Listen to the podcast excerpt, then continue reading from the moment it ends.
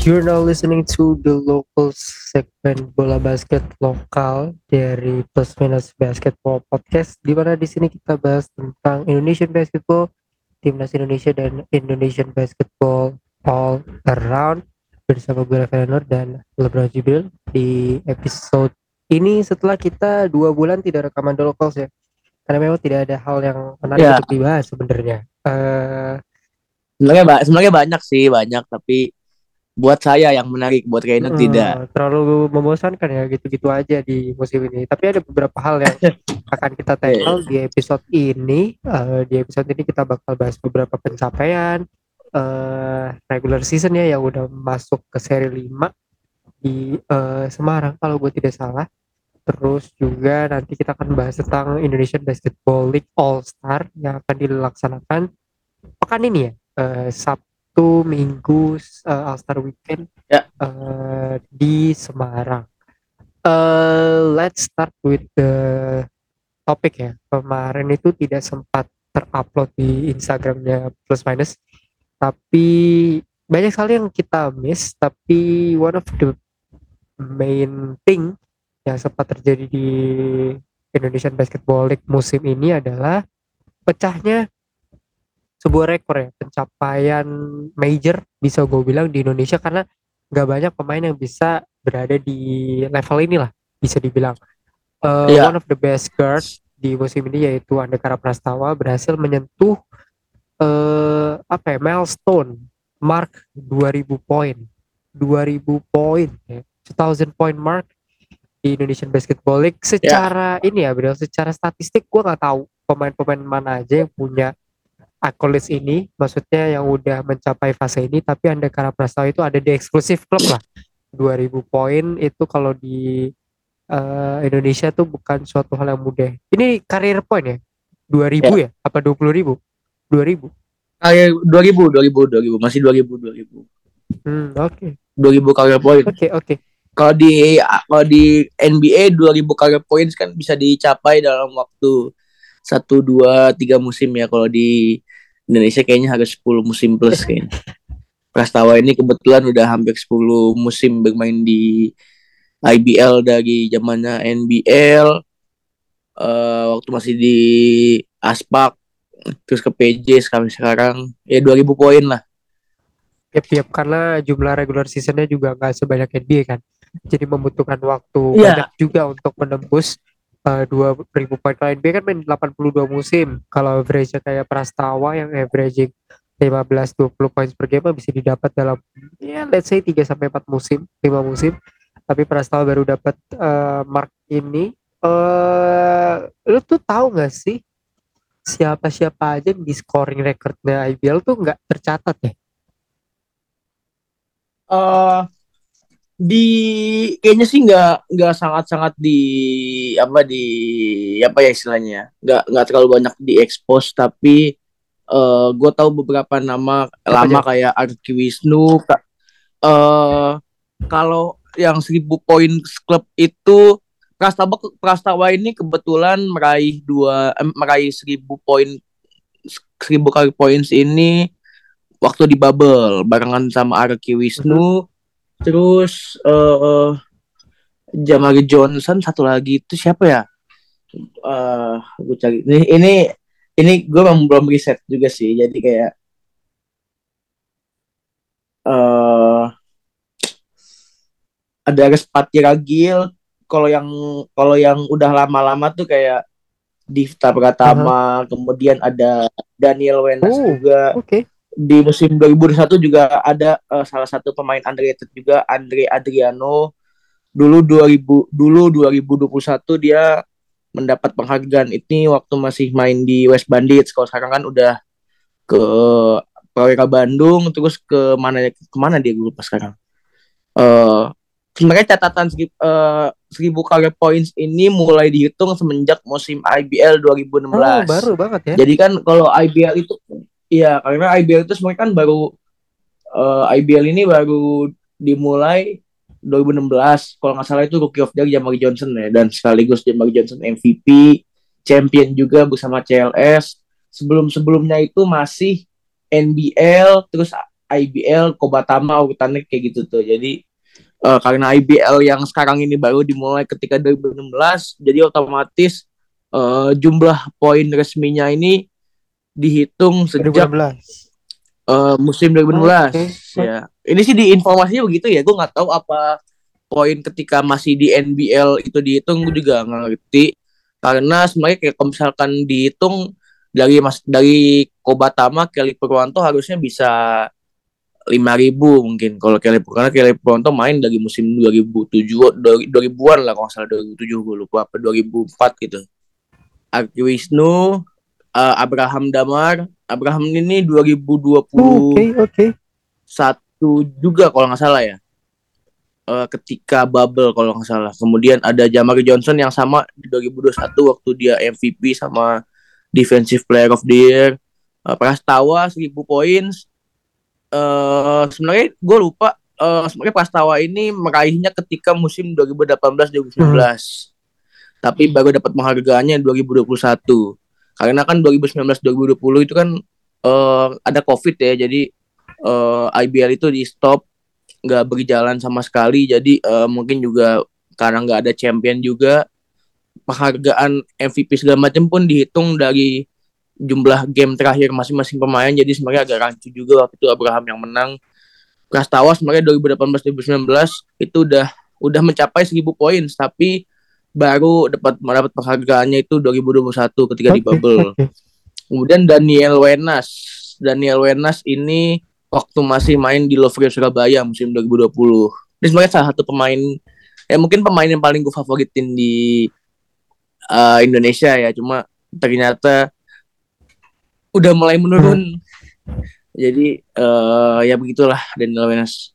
Ada Difta Pratama sama terakhir Raspati Ragil yang dua-duanya ini mencetak poin ke seribunya pada musim 2020 tapi karena uh, ada covid jadi uh, penghargaannya itu diberikan setelahnya gitu setelah covid ini selesai.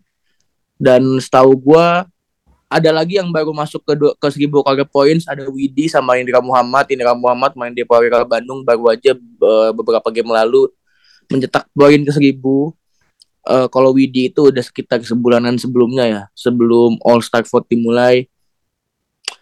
Kalau untuk 2000 career points itu yang tercatat resmi baru Prastawa kayaknya. Belum ada info-info lain siapa aja yang uh, ter, uh, ada di range 2000 career points. Selain Prastawa belum ada uh, info-info lain dari IBL mungkin kalau kalau yang dengerin podcast ini ada yang tahu boleh sure. komen dan kasih tahu kita siapa aja yang ada di jajaran klub 2000 career points setahu gue sebenarnya kalau misalkan uh, legend-legend lain mungkin ada ya tapi karena ini resminya baru dihitung dari semenjak uh, eh, IBL musim 2016 yang setelah dari NBL terus balik lagi ke IBL musim 2015-2016 baru nama-nama tadi yang gue sebutin yang memang uh, apa ya legal lah istilahnya dari poin pertama mereka ketika bermain di musim 2015-2016 sampai sekarang.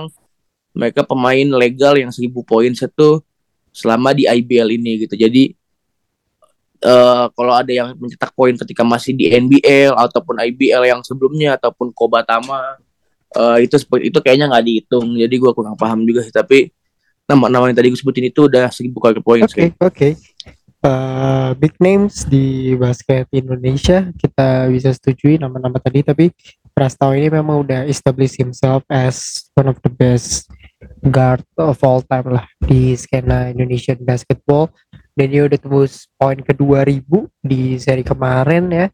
Jadi emang ini pencapaian yang tidak semua pemain bisa lalui gitu ya. 2000 poin uh, Prastawa bersama Lita Jaya Bakri Jakarta. Congrats to Prastawa ya. Uh, kita akan menunggu aksi-aksinya di seri-seri ke depan dan tentunya bersama tim nasional Indonesia uh, ke depannya gitu. Um, we move on ke regular season. Udah seri kelima ya di Semarang.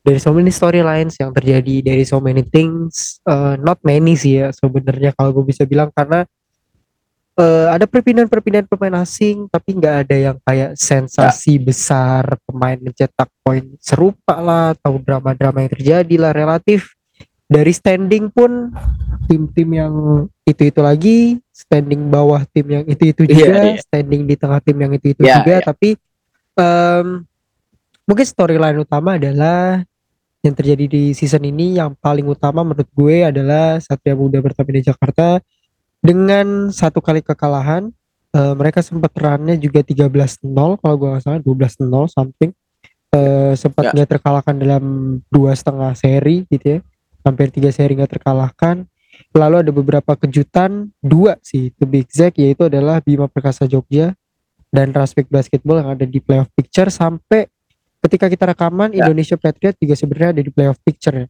dengan 20 mm. game, 9 menang, 11 kalah. Mm. What's the biggest storyline so far menurut Rubril yang sekiranya jadi highlight dari IBL selama yeah, setengah yeah, musim yeah, pertama yeah, ini?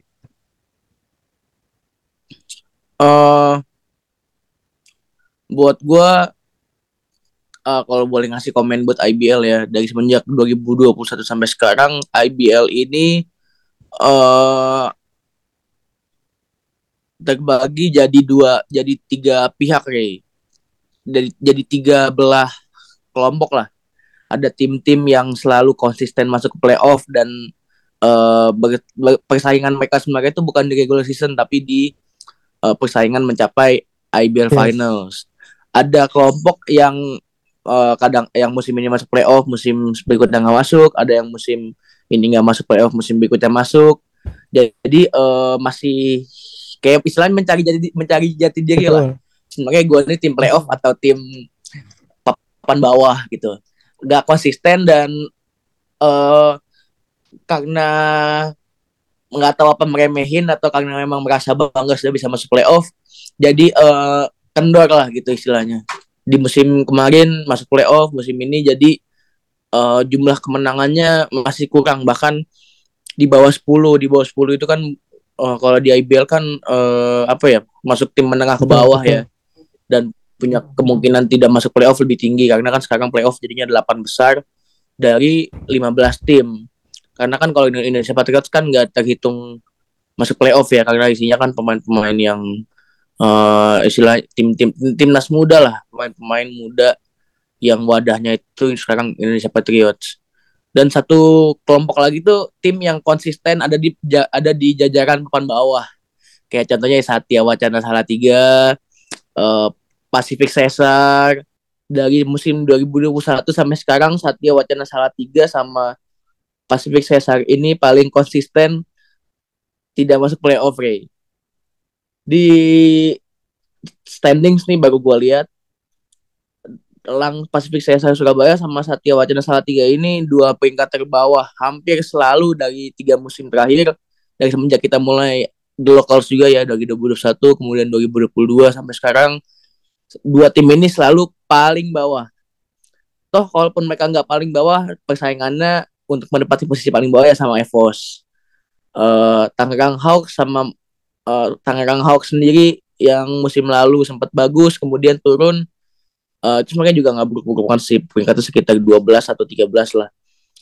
Kalau untuk di yang tim papan menengah ini sekarang ada Bali United yang sebenarnya awal musim cepet, uh, cukup bagus tapi uh, mengalami beberapa kekalahan beruntun. Cuma uh, bagusnya pemain senior kayak Sandi Sandi Keceng ya. Terus ada Lutfi Koswara sama Abraham Wenas masih tetap konsisten uh, justru malah Pontianus Coming yang uh, turun gitu dari semenjak musim 2021 jadi uh, first team dan juga salah satu center terbaik di IBL sekarang malah turun.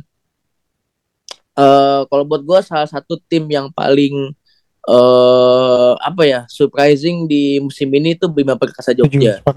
Karena gue nggak gue nggak expect Bima Perkasa Jogja yang udah kehilangan segitu segitu banyak pemain uh, andalannya bisa bangkit lagi gitu kayak Indra Muhammad kan cabut terus uh, Pringgo Go uh, siapa lagi yang cabut ya Indra Muhammad cabut uh, terus Azarian Praditya Azarian Praditya juga cabut eh siapa lagi yang cabut ya? Azarian Praditya, Indra Muhammad, Galang Gunawan juga cabut. Tapi eh, musim lalu juga Bima Perkasa Jogja tuh sempat jatuh banget ya. Dan coachnya coachnya pun David Singleton juga cabut juga. Jadi eh, kayak eh, di musim 2021 tuh pemain intinya tuh apa kayak eh ha- bagian-bagian penting dari tim mereka tuh cabut-cabut semua gitu. Tapi sekarang bisa bangkit dan eh, di standings mereka peringkat Betul, kelima winning record juga. menang ya winning winning winning record winning record kita setengah ya 12 menang 6 kalah. Buat gua di IBL ini kalau bisa winning record beda setengah itu udah bagus banget. Eh, Bima Perkasa Jogja menang menang 12 kali kalah cuma enam kali. Eh, bersaing dengan empat tim teratas Yes, yang ya sudah kita tahu ya. Satria Muda Prawira Bandung. Secara mengejutkan Prawira Bandung ada di peringkat kedua Eh, Pelita Jaya di peringkat ketiga dan Dewa United di peringkat keempat. Prawira Bandung, Dewa United sama Pelita Jaya ini jumlah poinnya sama 32 poin. Sedangkan Satria Muda seperti biasa ya tim mental juara meskipun bermain tanpa pemain asing Betul. masih konsisten dengan satu kekalahan dan 16 kemenangan. Eh tapi gue mau nanya, mau nanya, mau nanya dulu sama Ray. Kalau di IBL ini kan kompetisinya kan lebih minor ya dibandingkan NBA aja. Jadi kalau misalkan ada angka-angka kecil ya itu udah biasa lah. Kalau angka-angka lebar, angka-angka gede itu kayaknya biasa, wow banget. betul. gitu. Sedangkan kalau di NBA udah biasa ya. Eh kita kan tahu di NBA itu ada macam Detroit Pistons yang baru men- Mhm. yang jumlah kemenangannya di bawah 10 atau Milwaukee Bucks yang sekarang udah mencapai 50 kemenangan tim pertama di musim ini. Pendapat lu soal Pacific Caesar sama Satya Wacana Salatiga yang baru menang dua kali itu gimana, Rey? Sedih gak sih? Aduh, lu kalau menanya gue, eh sebenarnya expected bisa gue bilang kalau mereka ada di bawah sini dibandingkan tim-tim lain ya. Maksudnya lu lihat dari segi squad juga, eh dari segi mereka bermain Iya, juga mereka sering banget kalah blowout setahu gue. Eh tapi Ya, ya. kalau Pacific Caesar agak heran sih ya maksudnya seharusnya mereka nggak di sini. They should be around 11 12 melihat dari Hmm. apa yang terjadi musim lalu. Kayaknya Satya Wacana Salatiga tuh always being the same ya. Eh ti- tim ini Iya, gitu. iya. Satya Wacana tuh yang warna biru kan. Iya, logonya warna biru eh, cuma dua Hmm, dua dari 16 dan kalau ngelihat pertandingan mereka juga blowout semua, men. Kemarin lawan Pelita Jaya kalau nggak salah mereka beda 31 poin. Eh, mereka susah menembus eh, poin-poin tinggi gitu. Dan sering banget Iya, kalah. Betul, betul, betul. eh, blowout dan dari segi permainan juga tidak ada yang begitu appealing ya wajar sih pemain eh, tim bawah gitu ya. Iya. Dan Ya, apa betul, ya betul. namanya eh, walau di sini ada Michael Andreas ya eh, pemain yang Ya, kita tapi sebenarnya Michael masih Ma- Michael itu main di Satya Wacana Salatiga, benar iya ya? Satya Wacana Salatiga averaging 5 point. Eh nggak ada yang averaging di atas 20 points. Dan bahkan cuma satu Hmm, ya. pemain averaging double digit yaitu adalah Shemar Deris Johnson. Itu pemain Hmm. eh, asing. Pemain lokalnya sama Im- sama, sama asingnya, ya, sekali ya, nggak berbunyi sama sekali. I don't even know satu pemain selain Michael Andreas yang ya notabene itu dulu Karena teman eh, kita ya. kampus gitu ya. Tapi kayak the rest I don't Iya, know about any other guy. Kalau Elang Pacific Caesar sih dari mereka rebranding jadi Elang Pacific Caesar tuh menurut gue udah aneh ya. Eh ngelihat dari permainannya juga ya seperti itu. Kemenangan kedua mereka didapat sama Hmm. siapa? Satya Wacana Salatiga. Jadi kayak Iya, ngalahin Satya Wacana mean- Salatiga benar benar benar. Dan ada ada ada perbedaan 20 poin. Kalau nggak salah menangnya 88 Iya 68 20 tadi poin gue lihat. ya. Eh sebenarnya overall kalau ngelihat dari hasil pertandingan ya, mereka tuh big big score, big scoring tim. Tapi lawannya lebih scoring lebih jauh lagi dan fun fact soal Elang Pacific Caesar, dua kemenangan mereka didapat melawan Satya Wacana Salatiga. Jadi kayak this team I don't know about this team. Kalau ngelihat dari bahkan dari squad ya, gue sebagai Iya, eh, iya. casual enjoyer, ya udah, I don't know anyone. Tapi ngelihat dari averaging pointnya sih, ini tim yang Hmm, sebenarnya hmm, rata hmm. ya.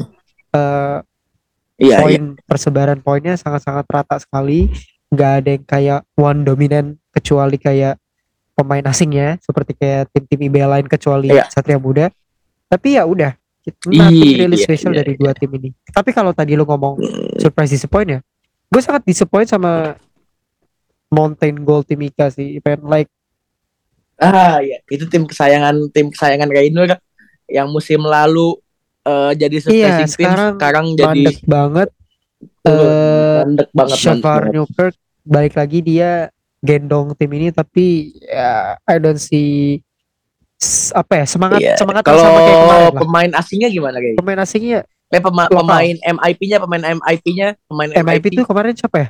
MIP. Hengki ya, Hengki? Bing, Bing oke lah. Maksudnya ya I expect more of him musim ini tapi beberapa kali gue ngeliat gamenya mereka kalah melawan tim yang relatif lebih besar seperti tim-tim lain tapi Ya, ya. di saat game-game di mana mereka seharusnya bisa menang let's say melawan Amarta Hang Tua you know likes of Indonesia Patriots itu suka kehilangan Ya, ya, poin-poin penting gitu. Itu sih relatif lawan tim yang lebih mudah Ya, sih. Emang ada kesenjangan kekuatan di IBL ya. kalau kita bisa lihat terutama tim playoff ya.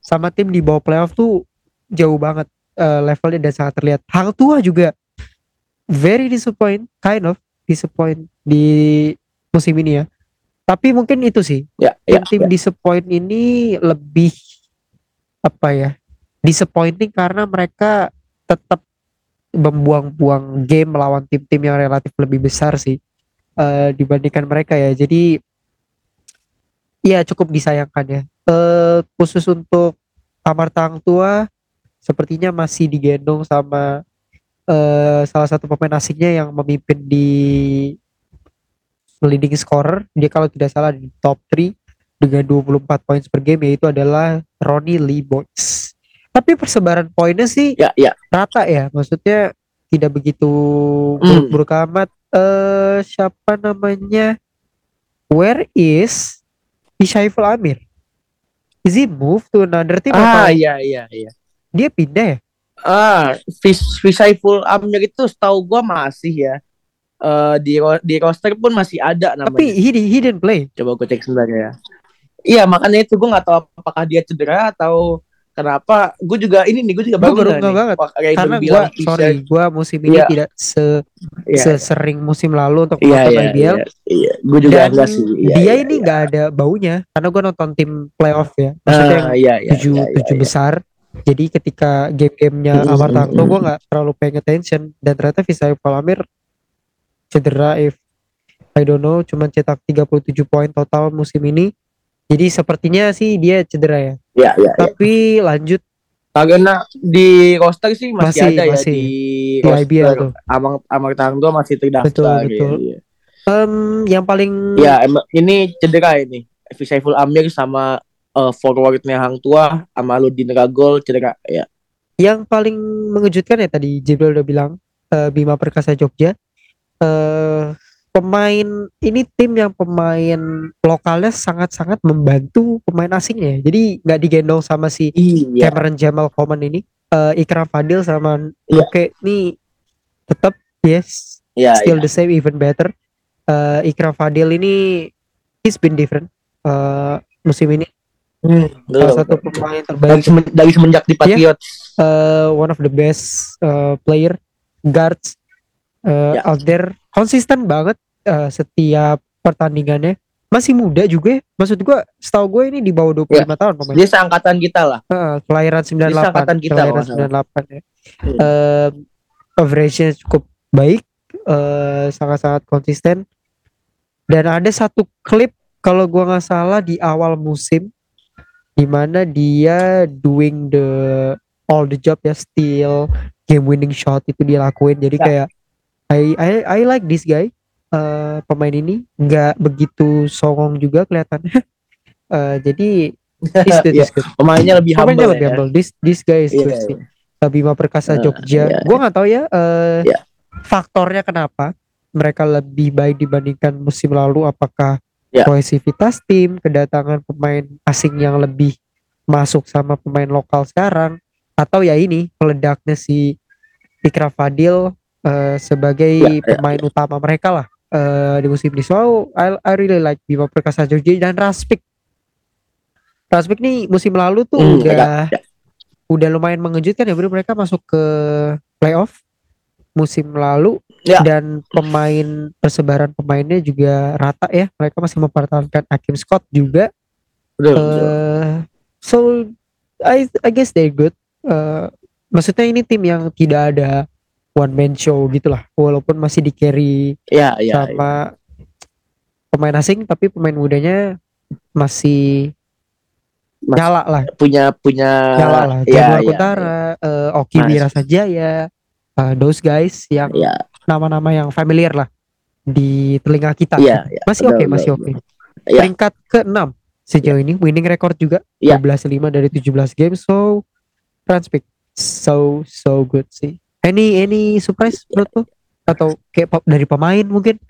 S- ya kalau surprising tim satu lagi gue menyebutin tadi ini juga tim ini sangat-sangat surprise sebenarnya gue juga nggak kaget tim ini surprise dari segi komposisi pemain ya karena pemain asingnya ini meledak banget eh Bumi Borneo Basketball Pontianak menang 10 kalah 9 eh buat gue sih salah satu faktornya adalah karena pemain asingnya yaitu Randy Randy Bell, Bell, yes, ini memimpin ya memimpin di kalau buat gue pribadi ya di kualifikasi pemain asing terbaik di musim IBL 2023 Eh pemain yang juga musim lalu kalau nggak salah mencetak poin terbanyak di IBL 40 poin. Gue lupa apa musim ini udah cetak juga Iya, atau musim enggak, ini, tapi musim 40 lalu dia poin juga.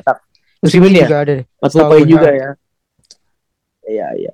Gue sebenarnya agak bingung kenapa musim lalu Foreign Player of the Year itu dikasih ke Ah, Safar. come on tapi man. Wajar lah. NS Musim lalu wajar sih. Iya, iya, karena NSA NSA lebih lebih tinggi peringkatnya ya. Tapi musim ini eh Bumi Borneo menang 10 kalah 9 di playoff picture peringkat 7. Eh di bawahnya itu ada Indonesia Patriots. Eh Randy Bell menjadi apa ya bisa gue bilang tulang punggung. Setuju. Eh, salah satu ujung tombak yang bagus juga. Dan ini buat gue ya, ini salah satu keahlian pemain asing ya. Pemain asing ini punya tinggi yang sangat-sangat di atas standar pemain nasional, pemain Indonesia. Tapi posisinya tidak berubah hanya karena punya Betul. tinggi badan Masih main di guard. masih main di guard tapi tingginya 190 cm lebih tinggi dari Betul. Arki. Bisa bayangin kalau pemain-pemain eh, di tim-tim IBL yang posisinya point guard dan dia pemain Betul. lokal macam ya Di match up Hardianus, sama Randy Bell tuh. di match up sama Randy Bell. Karena eh Bumi Borneo ini pemain asingnya itu bukan cuma point guard tapi center. Ada Cameron Redley juga, tingginya 208. Itu kalau di NBA itu sekitar setinggi Anthony Davis Hmm. ya. Sekitar 6, 6, 6 kaki 10 inci lah, 6 foot 10. Ah, buat gua salah satu faktor yang Bumi Borneo bisa naik karena eh, dua pemain asing ini terutama Randy Bell yang meledak banget dan mungkin pemain-pemain lokalnya kayak macam Wisnu, Agam Sebastian, eh, salah satu salah satu most improved player kandidat favorit gua Calvin Chrysler juga bermain sangat eh, improve. Sempat di musim lalu agak turun karena mungkin salah tim ya, tapi sekarang pindah ke tim yang lebih baik. Eh, meskipun postur tubuhnya itu kesannya apa ya emang kecil sih cuma 175 cm tapi bermain main, mainnya sangat-sangat kolektif dan chemistry-nya sangat-sangat bagus bersama Bumi Borneo meskipun eh, baru bermain selama setengah musim. Eh gitu sih buat gue ya. Bumi Borneo ini sangat-sangat eh surprising banget bersama juga Bima Perkasa Jogja dan juga eh Ranspik Basketball. Eh Rainer kalau misalkan lu mungkin ada satu tim lain atau pandangan lain mungkin tim-tim papan atas mau lu bahas terkait Eh, bagaimana tetap konsisten. gua rasa tim papan atas just being the same cuman Satria Muda Pertamina harus gua apresiasi dengan uh, availability mereka yang sempit ya sebenarnya tapi mereka masih bisa uh, competing menang dengan sebenarnya beberapa pertandingan tuh mereka sangat menang meyakinkan beberapa tuh sebenarnya ada flaws di sana sini ya bahkan lawan Satya Wacana Salatiga mereka cuman cetak 60 poin in totals. Tuh eh, itu eh, beberapa pertandingan mereka under 80 points ya tapi ya wajar sih karena Hmm. eh, availability yang sempit ya mereka ditinggal AJ West juga di pertengahan musim yang sebenarnya sangat-sangat membantu mereka di bagian size tapi gue gak tahu kayaknya dia nggak nyaman dengan Hmm. eh, lingkungan yang ada di tim ya. Eh, mereka juga kehilangan Elia Foster ya eh, sampai saat Ya, ini. karena jadi kalau nggak salah. Karena cedera juga. Arki Wisnu juga di awal-awal naik turun. Jadi ini Satria Muda yang bukan 100% tapi mereka masih main selayaknya tim besar gitu. Ya mungkin orang ada Ya. yang mendiskreditkan karena mereka punya pemain lokal yang sangat-sangat bagus ya tapi sangat baik ya. betul, tetap betul. tetap cuman kalah sekali dengan skuad yang tipis sih harus diapresiasi sih menurut gue still still Betul, maksudnya pemain lain eh, pemain asingnya oke ya kan sembuh juga pemain lokalnya juga 100% tapi kenapa nggak bisa mengalahkan Satria Muda Pertamina yang notabene Ya. eh timpang gitu walaupun eh sorry bukan timpang pincang walaupun Jangan. eh, pemain lokalnya sangat-sangat menarik ya bagus banget mereka punya Widi juga Ya, tapi Betul. ya kali bos masa lu nggak bisa membendung sih lu punya advantage pemain asing loh lu punya ini loh mungkin dari dari segi playstyle dan coaching juga Ya. udah berbeda kali ya Bril jadi ya emang membedakan Ya, tadi yang lu betul, bilang di betul, awal betul. sih mental juara sih itu sih paling eh ya Satria Muda ini juga satu-satunya tim yang mencetak 100 poin lebih dari satu kali ya. ya betul Melawan Pacific Caesar sama melawan eh gue lupa tadi lawan apa. Bentar. Lawan Amarta Hang Tuah. Amarta Hang Tuahnya bedanya setengah Iya. botol, 53 poin different. Hmm. Iya, buat gue ini salah satu eh, bukti kalau Satria Muda adalah tim dengan mental juara paling tinggi di basket Indonesia. Terlebih di satu dua game lalu itu mereka bermain tanpa pure center. ya Kayak. betul Jadi ya starting line apa itu biasa Hardianus, Sandi, eh, ada Avan, terus ada Widi. Erga masih kurang menit bermain karena eh, udah real competition ya. Jadi gua wajar kalau misalkan Anthony Erga udah jarang menit bermain. Eh, Juan Lauren beberapa kali main di posisi center dan Arki Arki main 4. Ini kalau di atas kertas sebenarnya sangat-sangat disadvantage small cari ball ini eh, minim minim sekali ultra Iya, ultra small small, ball banget ultra small banget. Eh kalau misalkan di basket-basket kampung kayak kita punya pemain yang lebih tinggi dari 185 aja itu udah berkah Iya. ya. Tapi kalau di IBL pemain lokal semua yang main dan tingginya nggak lebih dari 195 itu sangat-sangat sebuah disadvantage apa ya hand- min- minus handicap ya disadvantage sekali. Ali Bagir juga kurang berpartisipasi. Eh mereka ke, ke kepergian Rizal Falconi juga harusnya berefek dan bisa diambil sebagai sebuah keuntungan buat tim-tim lain. Tapi ya sekali lagi mental juara 12 kali juara Satria Muda berhasil mempertahankan 16 kemenangan dan hanya satu kali kekalahan. Eh shout out.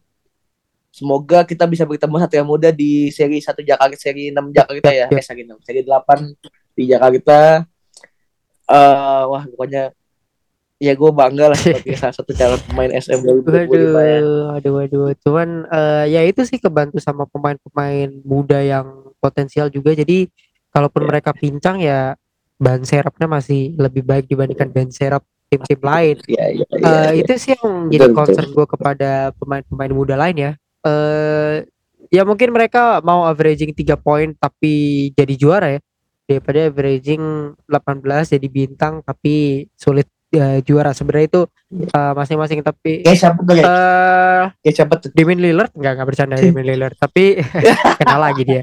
Tapi kayak eh menurut gue ya they should move some of them eh, untuk membuat nama mereka sendiri ya. Ya. Eh, tapi kalaupun mereka mau menjadi penerusnya Arki ya Widi atau mungkin eh, Hardianus ya nggak masalah juga sih udah dapat guaranteed spot juga ya Ya, ya.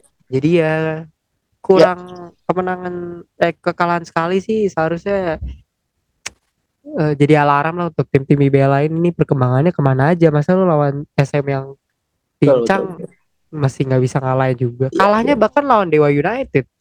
Eh, ya relatif tim Iya. besar juga gitu loh. Masa tim-tim kecil Iya, bener-bener nggak bisa compete sih itu sih kalau menurut gua. Ya, ya. Eh, mungkin early prediction buat MVP aja ya kayak. Oke, Uh, gue boleh, sebenarnya sebenarnya sebenarnya nggak mau mempoint out ke MVP atau defensive player of the year banget karena sebenarnya belum kelihatan juga MVP sejauh ini buat gua Damar, Caleb sama Prastawa karena Arki Wisnu sendiri juga udah kelihatan mulai capek ya jadi dia nggak terlalu ngejar MVP banget lebih milih ke memastikan peringkat pertama di IPL ya. Tapi kalau buat gue sih, buat gue pribadi sih, Hmm, karena kelihatan Arki Wisnu mainnya nggak ngejar-ngejar stats dan uh, awards banget gitu, lebih milih uh, mengejar juara ke-13 dibandingin Caleb, Bram sama Prastawa yang main bener-bener all out banget dan uh, terbukti nyet- nyetak poin-poin tinggi. Arki Wisnu juga sebenarnya nyetak poin tinggi di beberapa game tapi uh, dari cara mainnya gue lihat gue lihat dia tuh lebih milih kayak mau mempertahankan gelar ke-12 dan uh, mencoba menjadi uh, pemain berikutnya yang mendapatkan tripit di IBL kali ya, ya bersama Hardianus, Sandi, Juan Lauren sama Laurentius Oi. Buat gue sih begitu ya. Tapi kalau buat gue sih gue pengen mempoint out MIP kayak karena MIP musim ini bagus banget. Kandidat kandidatnya udah kelihatan. Buat gue kandidat MIP musim ini ada dua. Satunya itu adalah Ikram Fadil yang tadi udah disebutin. eh additional dia di Bima Perkasa Jogja musim ini ya tidak diragukan salah satu missing piece lah yang membawa kembali Bima Perkasa Jogja ke kancah playoff dan kelas menengah ke atas di IBL. Sedangkan Calvin Chrysler yang pindah tim dari tim lamanya yang cukup cukup jelek juga ya bisa gue bilang pindah ke tim baru Bumi Borneo yang punya Mhm. Posisi bermain sangat rapi sama Randy Bell juga sama Wisnu juga. Eh, membawa Bumi Borneo naik ke atas dan Calvin Chrysler mainnya bagus banget gue akuin bagus banget. Salah satu pemain yang cukup gue suka cara bermainnya. Ya kebetulan dulu gue sempat pernah punya cara bermain kayak gitu cuma gue udah terlalu capek main basket jadi nggak masalah. Biar itu jadi rahasia di antara gue aja ya. Iya. kalau buat lu sendiri gimana? Ada tambahan buat lu? Awards atau apa atau Eh, mungkin perkiraan champion kalau perkiraan champion udah pasti SM Ya. ya, cuma mungkin Itu perkiraan lawan SM di, lah. di finals ya too early. Em, setahu gue si Abraham Damar tuh di Jepang ya. oh iya iya iya iya Iya, oh iya, iya iya buat iya iya ya. gue lupa lupa iya iya Eh, gue juga lupa. Eh, tapi kalau ingat pemain ya, terbaik sih lokal ya berarti kalau pemain lokal terbaik sih udah jelas menurut gue Caleb ya. Eh, iya iya 18 poin per game di usia dia sekarang men. Ya I know he's still Hmm. in the early 30s ya. Tapi Iya, it's still a, a very good number considering dia sempat away dari liga setahun. Um, Iya. That's good tuh. Dia masih mempertahankan konsistensinya sekarang walau kehilangan eh, pemain-pemain kunci dari Dewa dari musim lalu tapi Dewa masih ada di top 4 eh, borderline top 3 jadi ya Ya. Still good for him. Menurut gua dia dia MVP-nya sih musim ini harusnya ya. Eh, Harusnya, harusnya. Tapi harusnya. kalau soalnya kalau ngelihat SM secara sta- statistik ya dia wow banget kan. Eh, Hmm.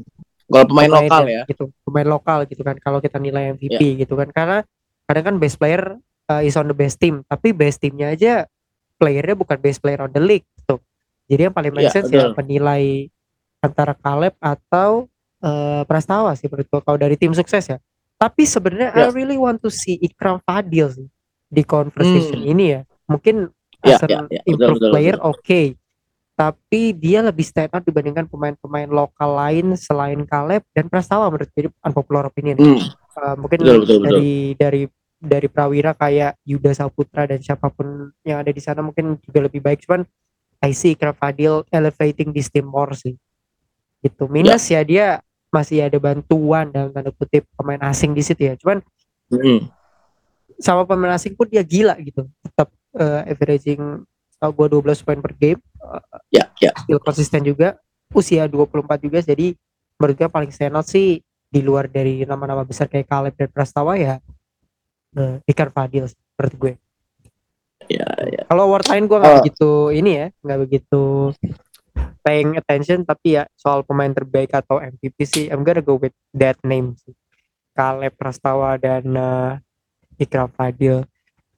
Oke, okay, um, kita geser ke IBL All Star 2023 yang diadakan di Semarang ya, Bro. Betul, betul, betul, betul. Ya sedih juga ya kita nggak bisa nonton ya. Betul. Cuma sebenarnya ada beberapa beberapa kayak orang-orang yang kayak NBA All Star lah mau ngadain nobar IBL All Star tapi kalau bisa-bisanya NBA All Star itu di bar di mana tempat-tempat mewah ini uh, salah satu komunitas ya bisa komunitas lah. Dia mengadakan nobarnya di uh, coffee shop aja yang kecil-kecilan gitu yang murah. Gue udah nge-share ke Reno juga cuma gue nggak tahu apa Reno udah baca atau enggak uh, diadakan tanggal 19 jadi nanti kalau misalkan kita ada duit kita datang nggak kayaknya ya Iya, semoga sih uh, itu ya uh, kunci dalam nobar adalah ada duit ya. Iya, kalau dinding aja kurang gitu. Itu di hari betul Minggu sekali. NBA All Star jadi sama salah satu komunitas basket di Jakarta yang gue rasa lo semua fans basket Indonesia udah tahu. Cuman uh, eh, NBA All Star salah satu hal yang paling unik dari NBA All Star tahun ini adalah menurut gue ini unik sih. Uh, ya. Ini ini ini mengikuti sistem East dan West yang diganti jadi tim captain kayaknya ya. Iya, tapi melawankan veteran versus pemain muda. That's new betul. for me. That's new for betul, me. Betul. Uh, walaupun gue tidak begitu menyukai idenya, uh, karena kayak ada kesenjangan kekuatan karena salah satunya berpengalaman banget. Ya, oh iya iya. Juga iya. ya, ya seadanya iya. gitu. Tapi ya betul, betul. Uh, it's it's still okay, still okay. Uh, tim future sama tim legacy namanya agak corny tapi ya oke okay lah. Nah, agak uh, iya sangat di point out sekali ya sudah jelas iya. kalau kali ini antara pemain di tim pemain-pemain di tim yang sudah senior melawan anak-anak muda. Iya, yeah, it's okay, it's okay, but it, it's fine, it's fine. Uh, tim legacy dihuni sama pemain-pemain veteran ya.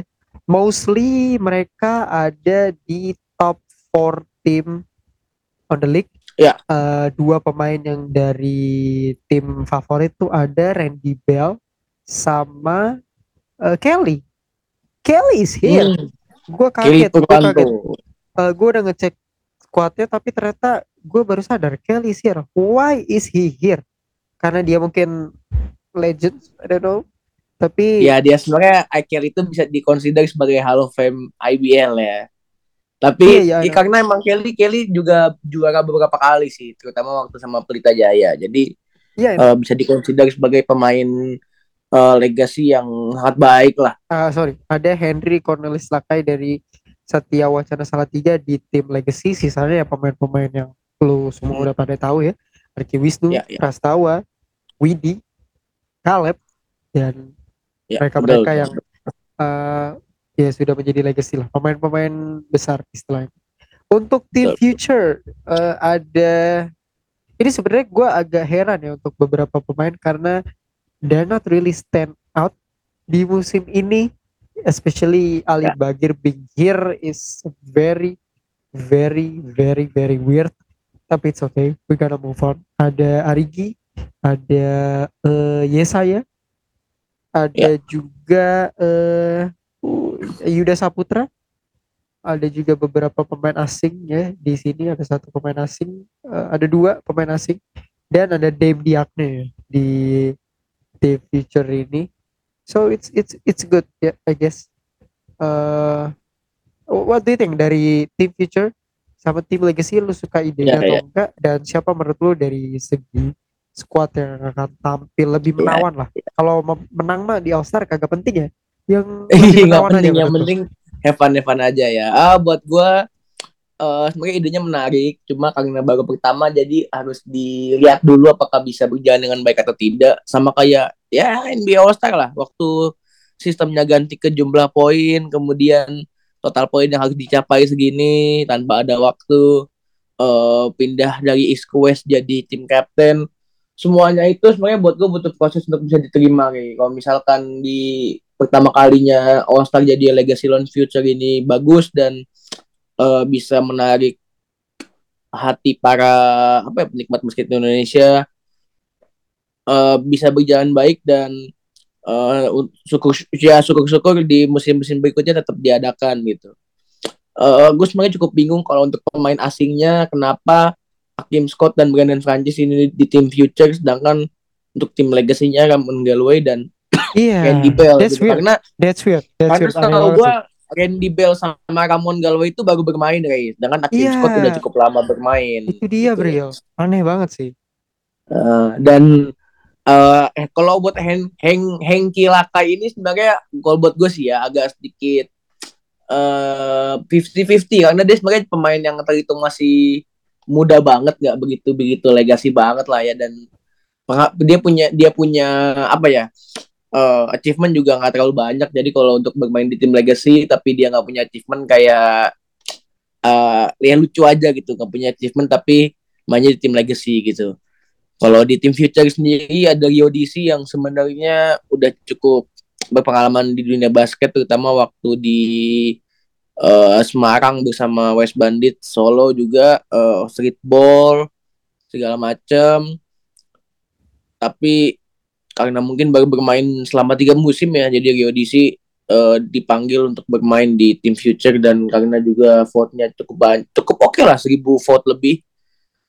Eh buat gue sih nggak ada terlalu yang surprise gimana ya kecuali yang tadi gue sebutin eh, Julian Alexander dari Indonesia Patriot sama Dame Diakne eh, bermain juga di tim future Ali Bagir dari Satria Muda. Kebanyakan memang pemain-pemain bekas eh, Indonesia Patriots ya dan Hmm. eh, pemain yang memang eh, punya nama lah di dunia basket Indonesia. Kayak Argus yang juara Liga Mahasiswa.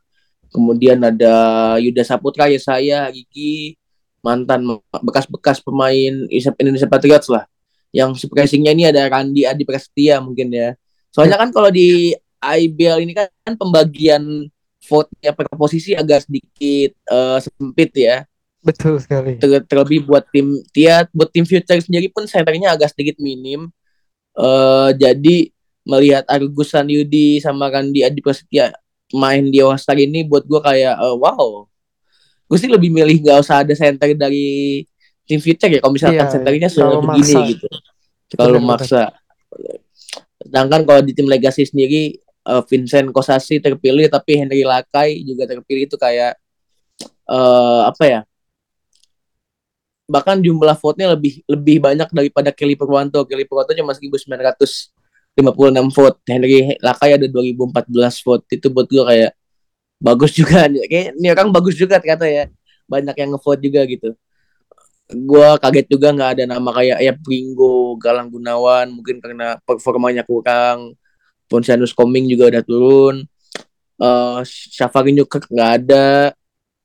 Ya dan kebanyakan memang uh, pemain-pemain ini dari tim-tim besar yang peringkat di atas kecuali Randy Adi Prasetya sama Hengki Lakai yang terpilih karena pemaksaan. Eh buat Reiner gimana lu ada uh, komentar apa buat tim lagi tim future apakah uh, sistemnya sangat-sangat jelek? Kalau itu saya tidak tahu. Kalau gue sih ya udah ya.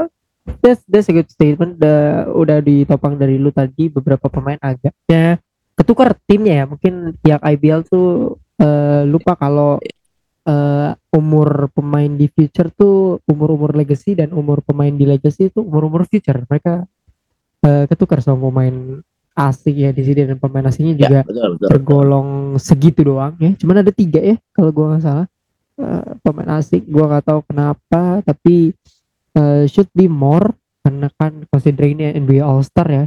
Eh, bukan ini eksibisi tapi eh, seharusnya bisa lebih mengakomodir pemain asing sih. Ada empat ya eh, pemain asing yang akan bermain di sini. Eh, satu yang pengen gue puji adalah jersey-nya oke sih. Eh, biru gelap dan putih ya. Eh, Iya, iya, a Very very good, harus very good, out. Very good jersey ya. Karena eh, penampilan coy. Penampilan itu Ya, penting ya. betul, Jadi betul, betul. Penampilan itu eh, penting. jersey All Star-nya jauh lebih baik dibandingkan jersey All Star-nya NBA. Ih, Oke banget. betul sekali. Oke banget guys. Eh banget, terakhir banget. kontes Eh, ada ini bener-bener jiplak plak-plak NBA banget ya eh, dari segi sepertinya sistem ya. Sistem ya, ya, ya, ya. Ya, cuman bedanya ini yang gue suka dari IBL ya mereka melakukan uh, remix ya. Di mana skill challenge ini menarik ya. Skill challenge tuh formatnya kayak NBA sepertinya tapi menghadirkan legends. Betul di skill challenge ini uh, ada tim Calvin yang diisi sama Calvin Jeremias. Um, dua legend yang akan bersama dia ada Yobel Sonda ya coach dari IBL Indonesia yeah. uh, coach, uh, coach dari Satria Muda Pertamina dan ada Dimas Muhari ya yang kalau misalnya kalian asing dia sekarang jadi podcaster di main basket ada Betul. tim Aldi uh, yang diperkuat sama Aldi Izatur dengan dua legendsnya adalah Antonius Joko dan Ali Budimansyah dan ya. tim Lomu yang diperkuat sama Jacob Lomu bersama dua legends Johannes Winar dan Wenda Wijaya. Mana Bril yang menurutku paling skill untuk menang? Ini menurut gue ini sebenarnya jawabannya gampang ya. Kalau ya, gue ya, sih ya, ya. tim Calvin ya. Kalau gue. Tapi kalau lu siapa? Oh. Uh, gua kalau gue sih dari komposisi gue megang tim Aldi ya karena selain okay. Aldi kalau di antara tiga pemain mudanya ini yang terbaik jelas Aldi paling lengkap.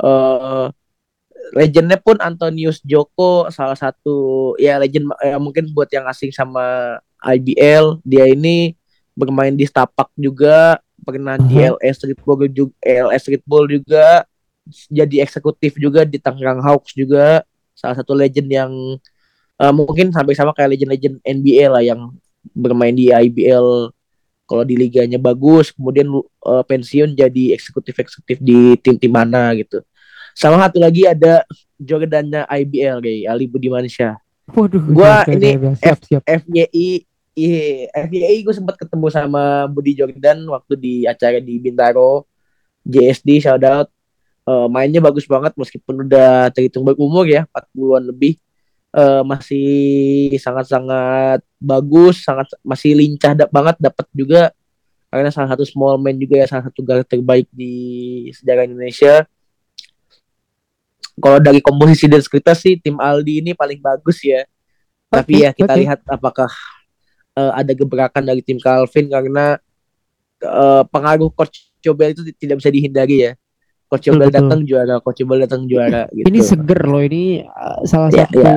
Uh, legend yang gue lihat sih kayaknya masih seger ya walau Wenda Wijaya juga uh, looking very dangerous as an uh, legend ya as an alumni yeah. gitu. Uh, tapi yeah, yeah. gue ngeliat si tim Calvin ini masih seger gitu. Uh, mantan pemainnya jadi menarik menarik untuk kita simak ya. Skill challenge gue megang tim Calvin Aldi megang uh, sorry gue megang tim Calvin Jibril megang tim Aldi. Three point kontes ada Yuda Saputra Muhammad Arigi Sandi Febriansyah Stefan Neno Lutfi Koswara Hans Abraham dan Juan Lauren ini tidak ada dua shooter terbaik di liga saat ini yaitu Sandi Ibrahim dan Prastawa ya. Jadi ya, ya, ingin ya. memberikan kebaruan dalam three point ini. Iya, lu megang siapa bro gampang gua... sih gua, gua yakin lu megang Juan Lauren iya iya iya. Exactly. Yeah. Gue makanya megang Juan Loren obviously karena buat gue di antara semua ketujuh uh, three point kontestan ini yang paling pure shooter ya Juan Loren iya, karena setuju gue. Iya, karena Juan Loren itu spot up shooter banget, catch and shooter banget. Kalau misalkan dia agak sedikit lincah punya footwork dan dribble yang baik mungkin bisa jadi Clay Thompsonnya Indonesia ya. Waduh. Tapi karena main di forward jadi mungkin tuntutan main post lebih banyak. Biasalah kalau forward kan uh, kemampuan main postnya harus baik ya. Apalagi kalau tim macam SM yang punya shooter luar yang bagus-bagus ya macam Widi, Hardianus, Erga, Sandi, uh, Joan Lauren bisa tampil di three point contest itu karena memang dia pure shooter sudah terlihat dari dulu musim-musim dulu juga 2019 waktu final lawan Stapak, kemudian 2020, 2021 uh, membawa tim SM juara setelah cukup lama absen di IBL Champion. Ya gue megang John Lauren lah jelas. Forward okay. satu-satunya di dia nih. Dia ini macam kayak Anthony Towns kayaknya ya. Waduh, kayak kayaknya bakalan iya, juara dia, dia. ya. Satu-satunya satu-satunya big man di sini. Gue sih uh, secara shooting ya semua pemain ini memang spesialisasi utamanya. Itu bukan iya. three poin tapi gue paling suka shooting formnya Hans Abraham sih.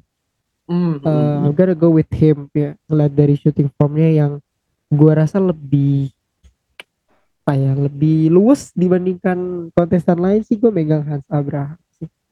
Uh, ini bukan Abraham yang lain ya ini Hans Abraham jadi another Abraham. Abraham sih so I gotta ya. go with Hans Abraham Jibril dengan Juan Lauren Slam Ya. Dunk Contest Slam dunk contest. ada Dava Doifulo dari Elang Pacific Caesar ada Ramon Galloway dari Dewa United ada Chris Barnes dari Elang Pacific Caesar lagi dan Randy Prasetya dari Satya Wacana Salatiga eh small market players ya yang Yes. akan Ya, kontes di Slam ini sama tapi kayak sama kayak NBA juga ya.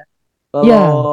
kalau three point contest tuh selalu diisi sama pemain-pemain yang small oh, market high market high market lah kalau three point contest. Kalau dunk contest ya pemain small market. small market ya betul sekali eh sepertinya ya kalau slam dunk contest tuh dibutuhkan atletisism Betul. jadi gua sih ini nggak ada highlight eh Gak ada highlight ya. tonton ya dari pemain-pemain Iya. ini. Karena kalau three point contest ada highlight tuh tuh gampang kan ngambilnya Betul, kalau slam dunk betul, contest ini agak sulit. Tapi melihat dari postur badan dan tinggi yang gua kira-kira akan memberikan dunk yang eksplosif gonna go with Chris Barnes man.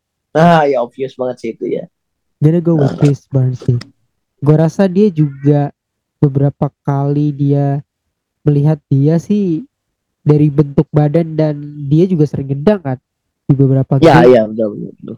dan dibanding pemain-pemain lain sih gue merasa Chris Barnes yang emang bawaannya gendang gitu dibanding Iya, pemain lain ya gue mohon maaf banget kalau pemain lokal ikut slam dunk gue agak pesimis ya Eh, karena less powerful karena kalau iya, contest iya. we need a powerful dunk Iya, betul, betul. Dibanding cuma sekedar kreatif power. ya.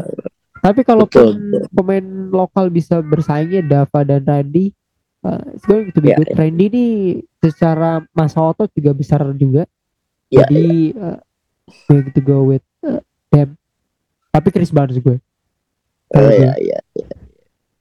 Eh, ini ini kalau gue lihat sebenarnya juga komposisi kontestannya hampir mirip sama NBA Slam Dunk kontes musim ini ya.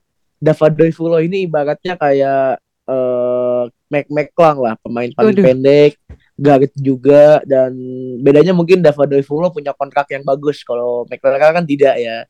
yes Iya, Randy Adi Randy Adi Prasetya ini ibaratnya kayak Jon- Jonathan Sim, eh Jericho Sim, Jericho Sims ya.